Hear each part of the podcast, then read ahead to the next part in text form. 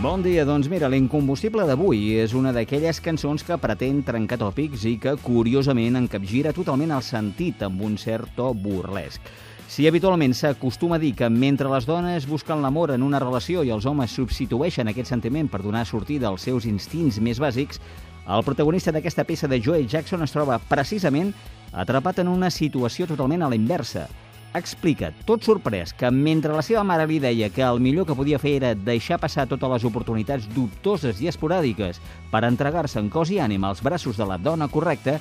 quan es pensa que l'ha trobat, aquesta li comenta que es deixi d'amor i que li proporcioni precisament una bona ració de sexe. Els seus arguments, el de la noia, són contundents i són doncs d'aquests que diuen no saps que per les dones és diferent, per acabar amb una frase, això sí, lapidària, fruit de la seva frustració, és que tots els homes sou iguals. De fet, It's Different for Girls va ser la cançó de més èxit del segon treball d'estudi de Joe Jackson, I'm the Man, que es va posar a la venda al 1979, tot i que també es va publicar aquell mateix any en format de single amb una versió del clàssic Common de Chuck Berry com a cara B. I, de fet, es tracta d'una cançó atípica de la seva discografia d'aquella època perquè no hi ha presència de teclats i, a més a més, Joey Jackson es dedica només a cantar i no toca cap instrument. I per aquells que potser no el coneguin, Joey Jackson és un d'aquells personatges que cal reivindicar perquè és un dels grans entre els grans que va aprofitar el desconcert de la indústria a l'època punk per colar-se dins de l'escena musical. I tot i que el seu passaport, el nom que hi posa és el de David Jackson, el 1977 se'l va canviar pel de Joey Jackson després d'observar el seu parer que s'assemblava moltíssim a una marioneta que va ser la protagonista de la sèrie de ficció Joe 90. De fet, us n'hem penjat un parell de fotos perquè mediteu sobre el tema. I conegut eh, també per ser un activista radical que lluita en contra de la llei que, segons ell, discrimina els fumadors, doncs ha publicat diversos pamflets reivindicatius i també va compondre una cançó amb to satíric. I potser per això, des del 2007, Joey Jackson viu a Berlín.